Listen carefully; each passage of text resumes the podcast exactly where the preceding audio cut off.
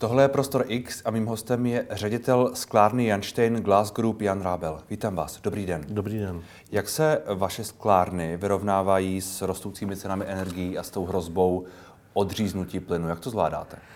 Tak eh, od konce loňského roku jsme se vyrovnávali s tou cenou energií tak, že jsme odhadovali, odhadovali, nikdo neviděl, kam, jakým směrem před v tom prosinci, listopadu se spekulovalo, že může být válka a tak dále a ty ceny začaly stoupat, takže my jsme eh, přeceňovali, přeceňovávali ty ceny hmm. na nějakou imaginární úroveň, kterou jsme si mysleli, že, že by byla, eh, která byla platná v té době, ale hmm. kterou jsme odhadovali tak zhruba na nějakých 90 eh, euro za megawatt hodin, jo, hmm. takže došlo k enormnímu nárůstu. Byla to obrovská práce, protože přes tři tisíce položek jsme museli každou samostatně překalkulovávat, protože nikdy v historii k tomuhle tomu nedošlo. Hmm. A vzhledem k tomu, že... Myslíte tak, tak, tak rychlému a skokovému růstu ceny energií? Nebo... Tak, tak, tak skokovému růstu cenových energií hmm. a, a dalších vstupů, ale především ty energie a především toho plynu.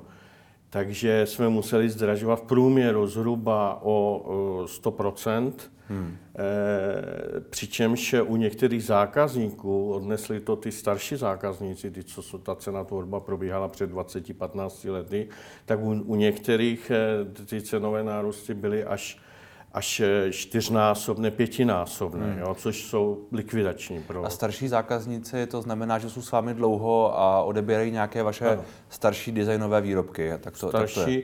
Ano, protože sklárna vyrábí kromě, kromě pro 50 výrobců, 50 až 100 zákazníků stálých, eh, který se vyrábějí eh, osvětlení, takže hmm. my jim vyrábíme ty komponenty světelné díly, teda skleněné díly a, a, a těm. Takže všem jsme museli to hmm. pře, přepočítat eh, výrobek po výrobku a nastavit, eh, bych řekl, jednotný eh, kalkulační vzorec hmm. pro výpočet ty ceny. A jak moc se tedy zvýšila, zvýšila vaše náklady, co se těch asi nejen energií týče, ale asi zejména energií? No, energii, energii my, jsme, my jsme, když to tak řeknu, na, na, na ty megawatt hodiny v eurech, 18 euro jsme platili minulý rok, minulý rok. Letos eh, jsme museli najít na spot, protože jsme neměli, hmm. eh, nesjednali s náma tu cenu, nebyly, nebyly podmínky, ani dneska nebyly. Eh, podmínky pro to, aby se uzavřela nějaká dlouhodobější smlouva, takže jsme jeli na tom spotu. Nechtěli to s vámi uzavřít? Nechtěli nebo nabízeli nějaké podmínky, které v té době se mi zdávaly jako ne, ne, neekonomické, ne, hmm. ne, nevýhodné. nevýhodné. A jsme to nechali na tom spotu, jo, to bylo ještě v tom lednu, kdy ještě nebylo jasný, že hmm. přijde ruská invaze, zahájí se válka a tak dále, takže se to zhorší ta situace. Takže jsme zůstali na tom spotu, eh, přičemž ještě jsme koupili nějakých 35%, ty kapacity jsme koupili za nějakou sazbu okolo 88 euro za, hmm.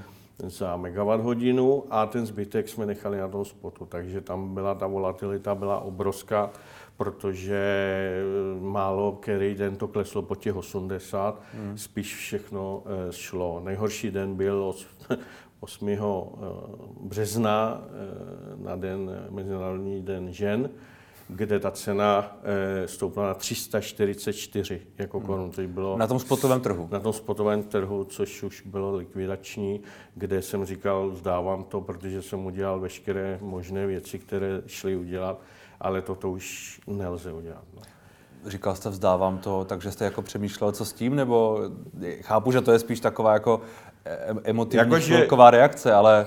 Že už jsem nevěděl, že jsem byl na konci, protože už mi nic nenapadlo, když to začalo stoupat na těch 180, 200, hmm. 220, ale ten toho 8. se dostal na rekordních 344, tak to už jako to už nemá, nemá smysl, jako, eh, protože nevěděl jsem, nikdo nevěděl, jestli to půjde ještě vejš, nebo, hmm. nebo začne to klesat. Takže hmm. to byl takový pik, který, který zaznamenal a všechny, všechny eh, no, všech, ta reakce byla, byla, byla ze všech stran jako neuvěřitelná. Hmm.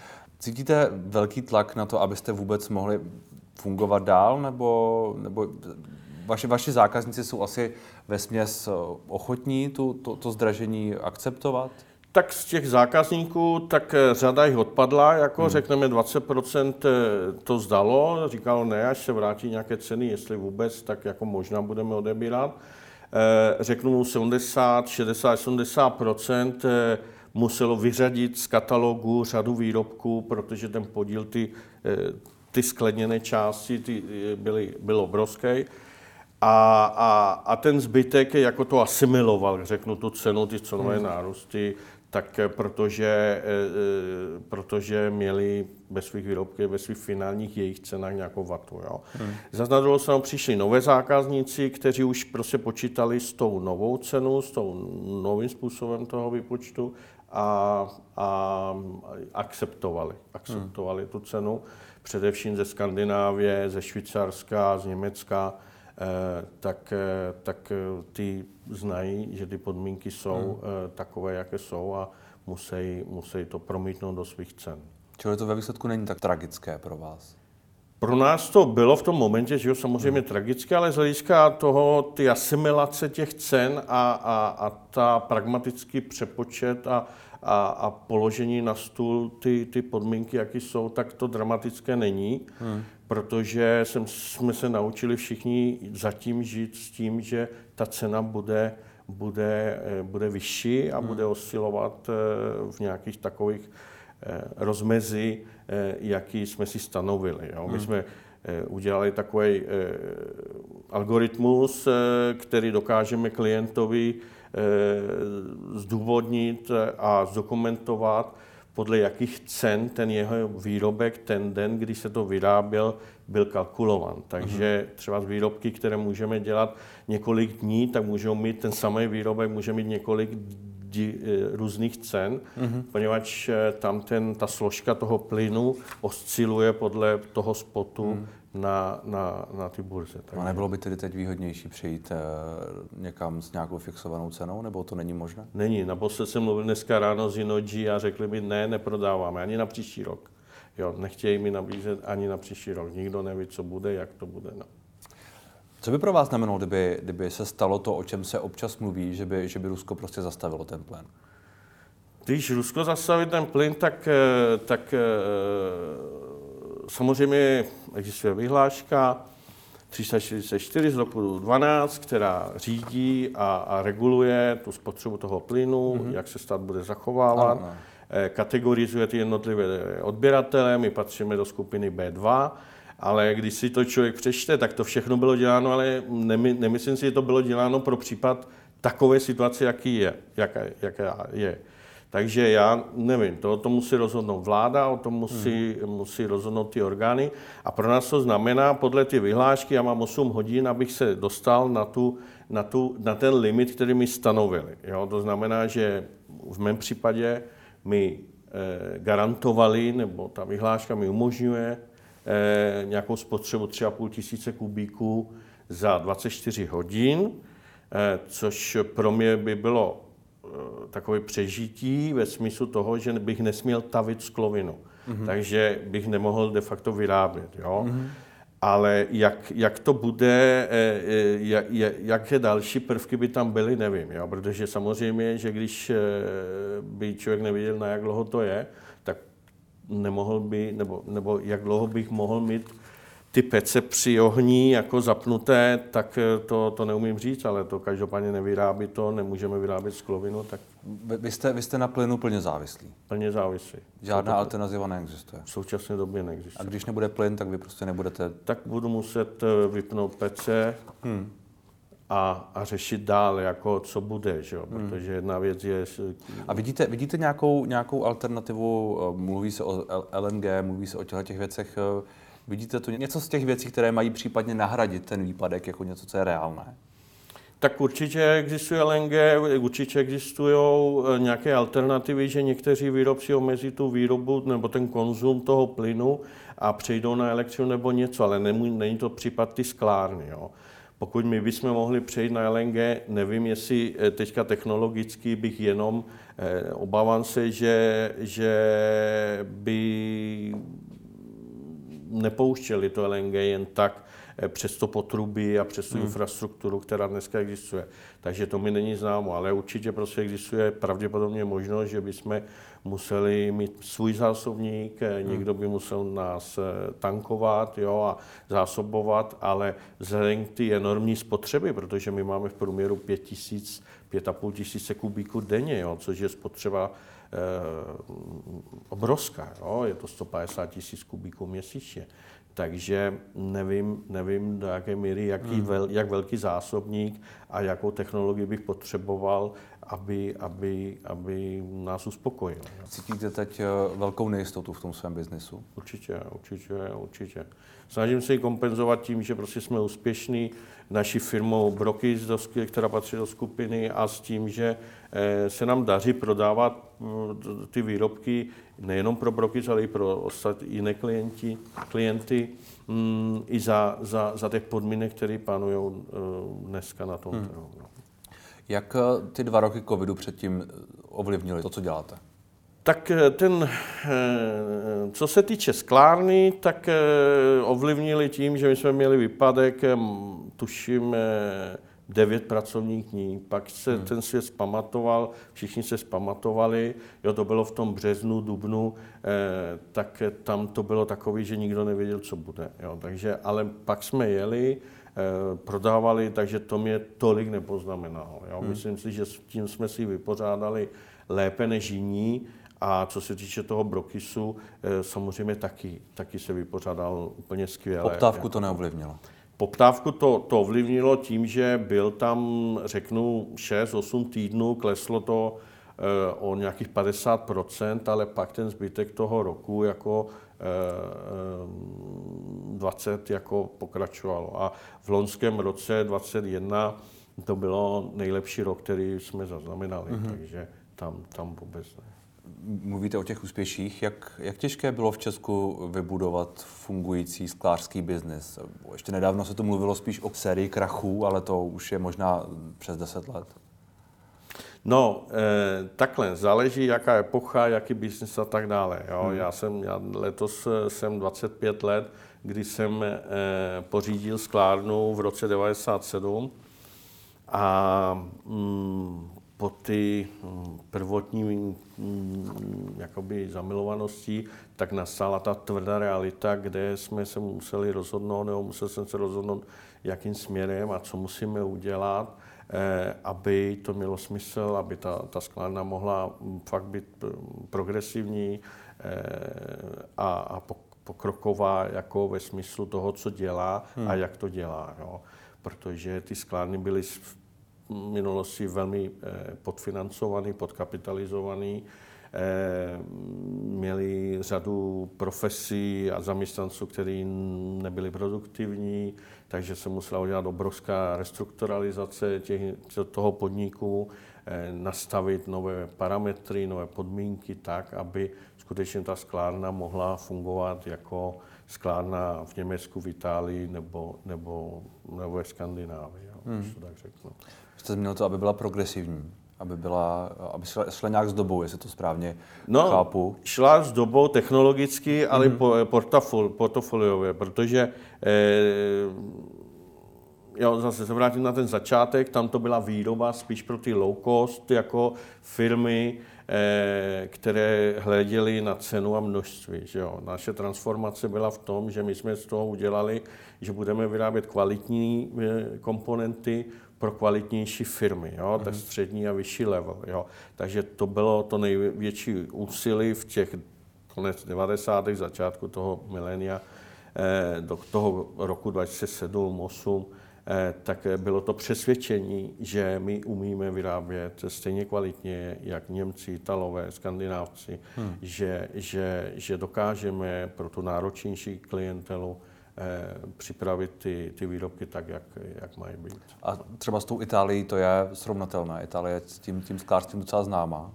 Itálie je známá, že jo, samozřejmě, a co se týče ty naší branži, tak tam byli velmi silní v těch, eh, když já jsem to objevil, jo, vstoupil do toho, do toho biznisu, eh, tak, tak byla velmi, velmi, byla to moje, můj sen se dostat na úroveň jako těch skláren, který, který jsem hmm. viděl a který jsem měl možnost jako spolupracovat a, a, a, a, a, jo, a vidět. No.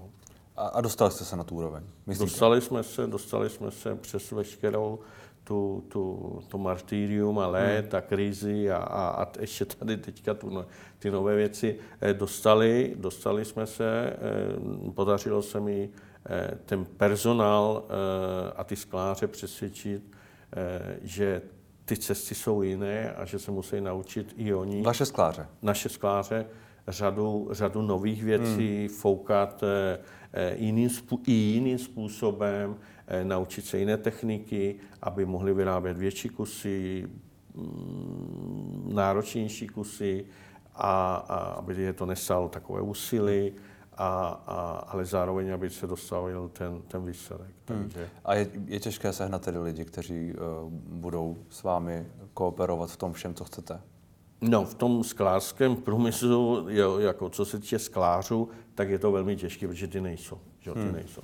Ty se musí, eh, ty školy, kterých je asi tři v republice, které učí to jako hm, obor, eh, bohužel eh, spíš ten záměr je, aby byli z nich oni hm, jako designéři, jo, a ne každý může být designér, tak jako každý nemůže být neurochirurg, jo, ani kardiolog, takže nemůže každý, kdo si hraje se sklem, jako být jako super, super sklář, super designer, jo. Takže, ale ta poptávka je, je strašně nízká po tom oboru, takže všechno, co, co my eh, můžeme teďka udělat, je naučit někoho z ulice, hmm. eh, který má zájem a který chce mm, postoupit to martyrium a, a, a, a se to naučit, protože eh, je to, není to snadný, je to krásný, ale není to snadný, jako je to dřina. No. A takže vezmete někoho z ulice bez, bez, bez školy, bez sklářské školy, bez nějakých znalostí, někoho, kdo chce ale to dělat a prostě ho to naučíte, vytrénujete a pak, pak vám tam funguje jako jeden, jeden z toho vašeho týmu. Tak, tak, tak máme řadu z nich, jako, které jsou nevyučený a tak se snažíme. Jo? Je to velmi těžké, protože například z deseti nebo z 20 vám zůstane jeden, jo? Hmm. protože než dojde k určitému stádiu, kde je to i pro něho i rentabilní, jako že se dostane na, na ty peníze, které si představuje, tak, eh, tak musí projít nějaký období a, a, a hodně potu a, a síly, já tomu říkám krev a pot, jo? Hmm. ale pak se to dostaví, protože mm, ten člověk musí najít sám sebe a najít se tom řemeslu, jo, který je nádherné. Když vidím ty srovnatelné pozice, teďka eh, dělnické, které jsou na tom trhu, tak pak jsou ty montéry na těch fabrikách, které honí tu Škodovku, že jo, nebo jako tím, tím a, hmm. a, a pořád jim zkracují ten čas, anebo mačka červený, modrý knoflíček, jako protože dělá na tom CNC nebo na, na něčem, ale tady je to prostě daleko takové umělecký, hmm. vytvarnější, je tam atmosféra, je tam je tam radost, je tam euforie, jako, takže řada, řada, řada věcí to má a je tam ta kreativita, že nedělám jako jen tak to samý těch 8 hodin, ale můžu prostě dát to své já do toho výrobku. Jo. A když budu hodně trénovat jako sebe ve volném času, tak může se ze mě stát i uměleckým sklář, jo, a můžu prodávat tu tvorbu, můžu si založit svoji sklárničku, nebo, jo, jako, takže těch možností je tam hodně pro, hmm. pro to, ale je, je ta cesta těžká. Vy, vy o tom mluvíte, jako, že uh, máte to řemeslo rád. Jo. Ale vy jste přišel k těm sklárnám, jestli se nepletu z bankovnictví, jo. nebo te, před těma 25 lety, když jste uh, kupoval ty sklárny, tak uh, proč jste si vlastně vybral tenhle ten obor? Nebo už tehdy jste k tomu měl ten, ten vztah? Neměl, já jsem tam, eh, to byla náhoda, to byla spekulace, já jsem pracoval v bankovním sektoru, pak jsem pracoval v investiční společnosti a nějaký známý mi řekl, ale Honzo, nechci se podívat, tady je něco k mání, nějaká hmm. sklárna, eh, zajdeme si tam, no, tak eh, první, tri, první cesta byla, byla taková, že tady už nikdy ne, se nevrátím, protože to bylo hrozný. No, pol, a, polorozpadlý. No jednak polorozpadlý, ale cesta dlouhá, že jo, člověk hmm. jako tenkrát, eh, no, prostě bylo to, bylo to takový neobvyklý, jo, prostě, no. No, pak jsem se rozhodl, pak jsem se vrátil z dovolené a pak jsem říkal, tak to zkusíme. Jsem se domluvil s manželkou, řekl, ale tak to zkusíme, uvidíme. Je to spekulace, eh, klasický, prostě zkusíme, když ne, přeprodáme, prodáme jako konec. No. No ale pak eh, po, po šesti měsících, kde jsem tam chodíval, jezdíval, jo, ještě jsem pracoval pro jinou firmu, tak jsem si řekl, že to něco má do sebe a že lze s tím něco udělat, že fakt jako tady jako je prostor pro to. No tak jsem se rozhodl, že se tomu budu věnovat jako hmm. na 100% a, a, a že si sundám sako, kravatu a košily a začnu s těma eh, klukama na ty hutí prostě komunikovat, protože ty první nárazové vlny eh, byly, že to byl skoro socialistický podnik. Jako, jo. Bylo 267 lidí, když já jsem tam přišel. Dneska to má 75 a děláme víc než těch 267. Hmm. Jo. A, a takže prostě bylo nutné eh, to restrukturalizovat, nechat si ty správné lidi, které, které byly v té době zapotřeby a začít pracovat eh, s těma sklářema napřímo. Že Tam byly různé levely, různé úrovni, že byl hudmistr, ředitel hudmistr a že měl dalšího mistra a tak dále. Takže eh, ta, ta, ten, ten kontakt s tím sklářem byl velmi zprostředkovaný, hmm. tak to se všechno odbouralo a když jsme začali komunikovat s těma sklářema, já teda napřímo, tak jsem se dozvídal nové věci, jsem poznával jejich problémy, a začal jsem je řešit, protože já jsem tam o to, abych řešil ty problémy, jo, a, a nejenom, abych tam se tvářil jako šéf, ale abych, abych řešil ty problémy. No. A kdy se vám tahle investice nebo ta spekulace, jak jste řekl, eh, vrátila? no, vrátila se tím, že mi dala to, co, že mi obohatila jako osobně. Jestli finančně se mi vrátila, to já to nepočítám jako určitě tím, že mi umožnila si vytvořit eh, firmu eh, Brokis, která, hmm. kterou jsem mohl od malička vypěstovat a budovat podle, podle mých, eh, mých ideí a, a, a postupů. Eh, ale to je jinak, to je jiná firma. To je firma, která vyrábí finální koncové svítidlo. Hmm. Jo, když toto sklo je jenom jeden komponent, sice nejdůležitější, ale je to součást jednoho svítidla. Jo. Takže hmm. ten Brokis je taková krásné miminko, takové krásný, prostě rozmazlené miminko, které se dá nějakým způsobem daleko lépe formovat, jo, ale který je nemožný ho formovat bez ty sklárny. Takže hmm takže ta sklárna je to srdce a, a motor a, a ten brokis je takový ten pěkný kus, který nám pomůže se dostat dál e, jinýma věcma. Takže e, já to nehodnotím na finance, hmm. e, kdy se mi co vrátilo, protože to by nic nebylo. Jo? Kdybych počítal, že se mi to nevrátilo do x let, takže končím, jako tak to jsem do toho nešel tak. Jo. Na tomu rozumím, ale tak a víte, víte, víte, kolik, uh, víte, jaké jsou plusy a minusy finanční toho, že jo? Víte, ne, určitě, víte, kde v té transakci se mě, mě jenom zajímalo, jestli jo. třeba v tomhle biznise můžete říct po deseti letech, dobře, tak teď jsem hodně nainvestoval nějaké peníze, ale vím, že se mi to vlastně vrátilo, protože to něco vydělává a tak dále. Jo, tak ono, ono si to, to, co si to vydělává, tak já to házím zpátky, Jasně. prostě, aby to bylo lepší a, a odolnější a, a, a rychlejší a já nevím, co všechno. Hmm. Takže, ale jo, tak jako e, samozřejmě ne, přineslo mi to samozřejmě nějaký, e, nějaký majetek a nějaký benefit, ale, ale skutečně my spíše investujeme do hmm. Protože to bereme jako dlouhodobý biznis, jo, my to bereme jako rodinný podnik, protože je tam zainteresovaná, pracuje se mnou manželka, dcera, syny, jo, a tak dále, takže je to takový velký závazek pro mě. Mm-hmm. Vy jste zmínil technologie, zmínil jste inovace. Eh, kde, kde jsou ve sklářství inovace, nebo jak se tenhle ten obor posouvá dopředu třeba v, právě eh, v tom Rokisu vašem? Tak eh, ten obor eh, eh, v tom sklářství se to posouvá tím, že investujete do pecí, které vám vyhovují ve smyslu, které pokryjou a dokážou, mm, dokáže se v nich utavit taková sklovina, která bude kvalitní a která bude dostačující pro tu výrobu, kterou děláte. Jo. My jsme byli první sklárna v Česku, která e, přivezla day tank, jako to jsou takové vany, denní vany, jo, nejsou to ty kontinuální vany těch velkých skláren, které jedou kontinuálně 24, ale ty denní, to znamená, že utaví se taková množství skloviny, řeknu tři tuny, a ta se spotřebuje během ty směny jedny. Jo?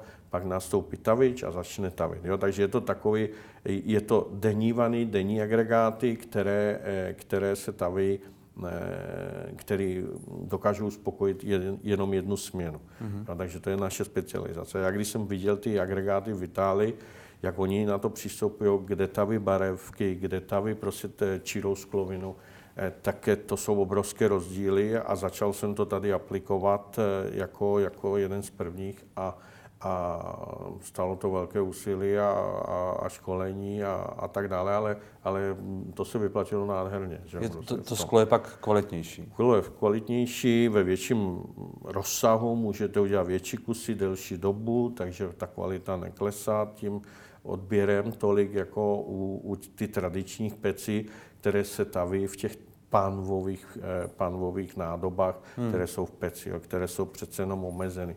Já tady utavím, řeknu, dvě a půl tuny, v té pánvičce můžu utavit nějakých 300-400 kg. Hmm. takže, takže pak udělám, já nevím, 10 kusů, průměr 350 například eh, a už ten jedenáctý už začíná mít nějaké vady, protože už tahám z ty druhé půlky od konce, od spodu, jo, mm-hmm. a tam jsou ty, ty, ty kamínky, nebo ty šlíry, nebo ty nedokonalosti. A to se vám nestává u té, u té druhé pece? To se stává v daleko větším, menším množství, jako mm. na těch vanách, že jo, ty mají své specifika, ale, eh, ale nestává se tyhle ty problémy, nestávají mm. se. Hmm. Pak je samozřejmě ta organizace ty práce, že, jo, že to jsem viděl v té Itálii, že, že oni, oni, oni dali do ty manufaktury rysy a prvky, Eh, strojní výroby, jakoby strojní výroby, že tam jsem viděl ten pás, že to jede po páse, že mají ty jednotlivé vrtáčky, samovačky a tak dále, mm-hmm.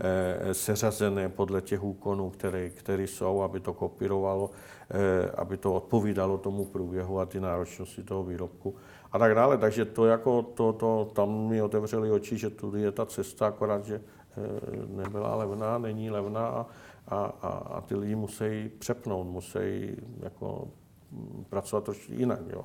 Vy jste to trošku zmínil, že jste vlastně ty lidi musel, na začátku že to byl trošku náraz, tak uh, musíte s nimi hodně bojovat, aby, aby jakoby se, se třeba adaptovali na ty, nové, na ty nové postupy a technologie. Jako já jsem měl obrovské štěstí, že jsem měl tam partu mladých kluků, který v té době jim bylo nějakých 20 let, jo, a řekl jsem mi, kluci, mám pro vás dobrý job, jo, a byli šikovní ročníky a, a tak a, a měli tu chuť se to naučit, takže já jsem jim dohadoval hmm. stáže v Itálii, tam jsem je nechal měsíc pracovat, aby se to naučili, pak přijeli, pak jsem kontrahoval jako skláře italský, aby přijeli na týden, na dva a pracovali s nimi tady, jo, a to nám strašně moc pomohlo, protože ty kluci mladí se to naučili, dneska jim je 40, jo, 45 a kluci jsou jako super skláři, nejvíc, hmm. ne, jako špičkoví. No.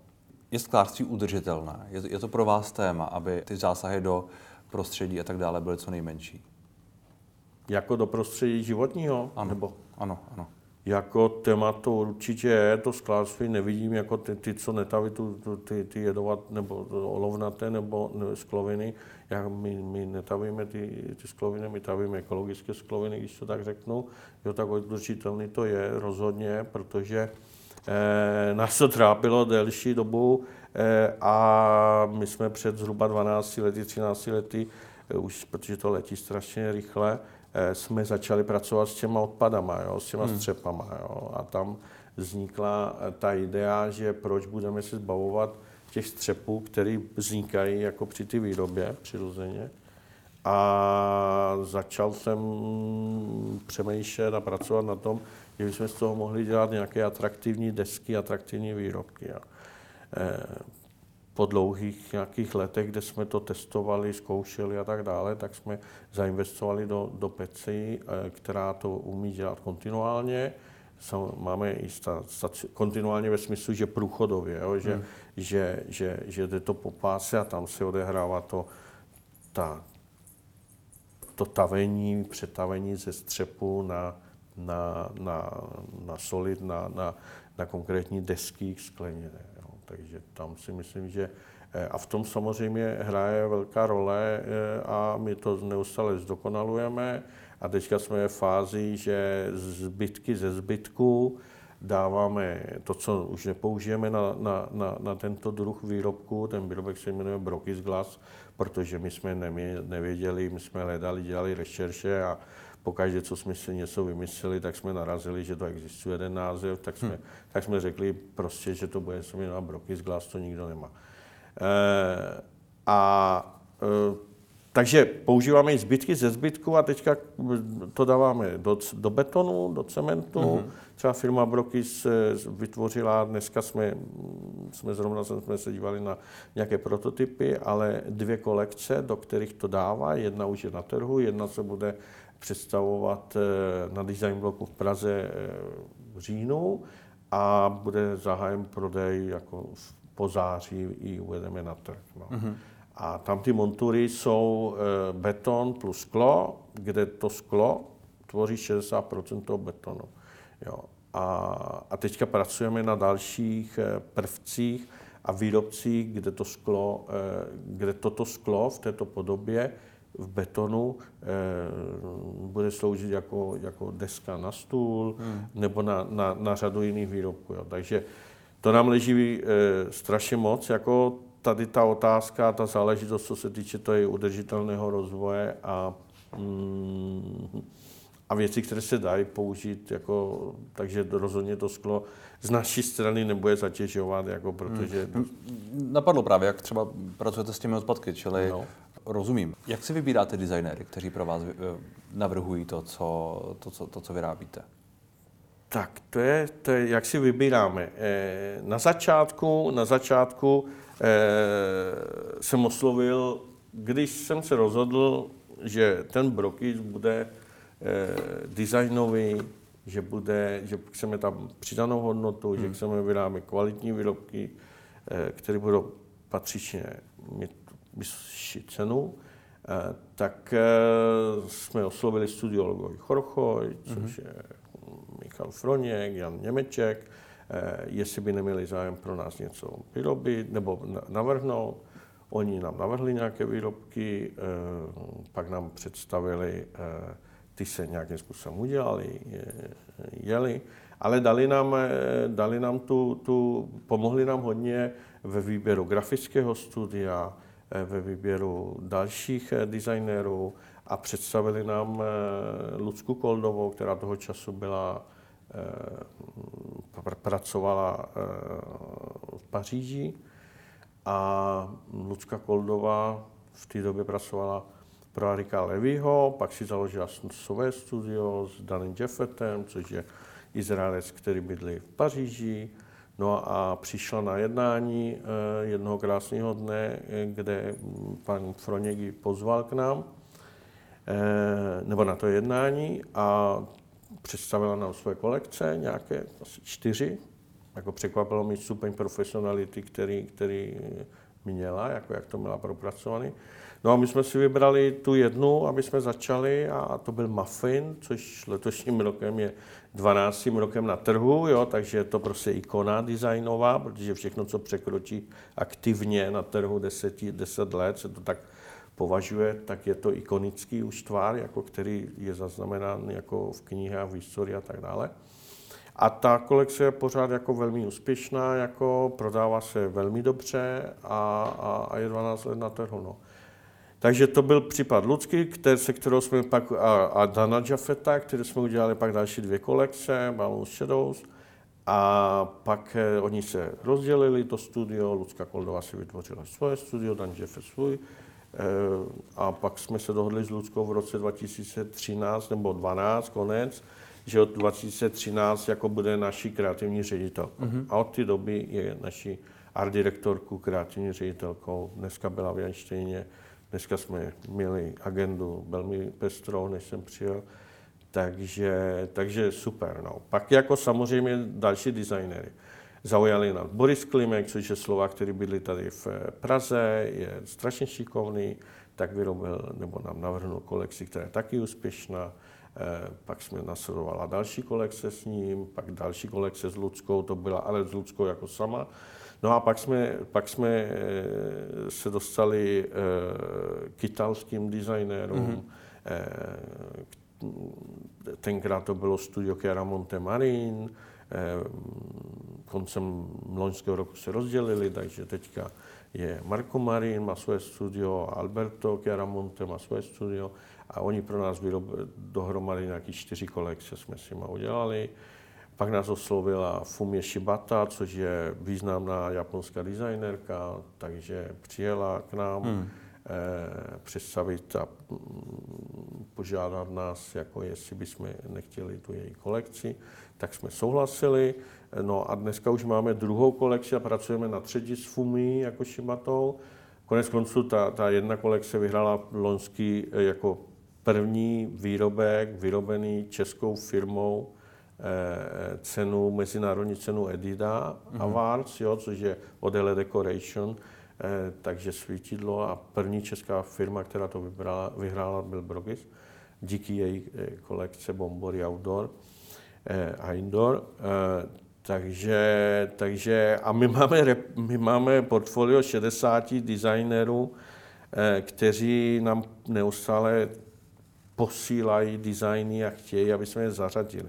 Jenže my jsme plní do roku 2024, protože to už máme i možná už 25. Teďka řešíme jako s těma designama a, a takže je to velmi náročné. Už teď víte, co budete jo.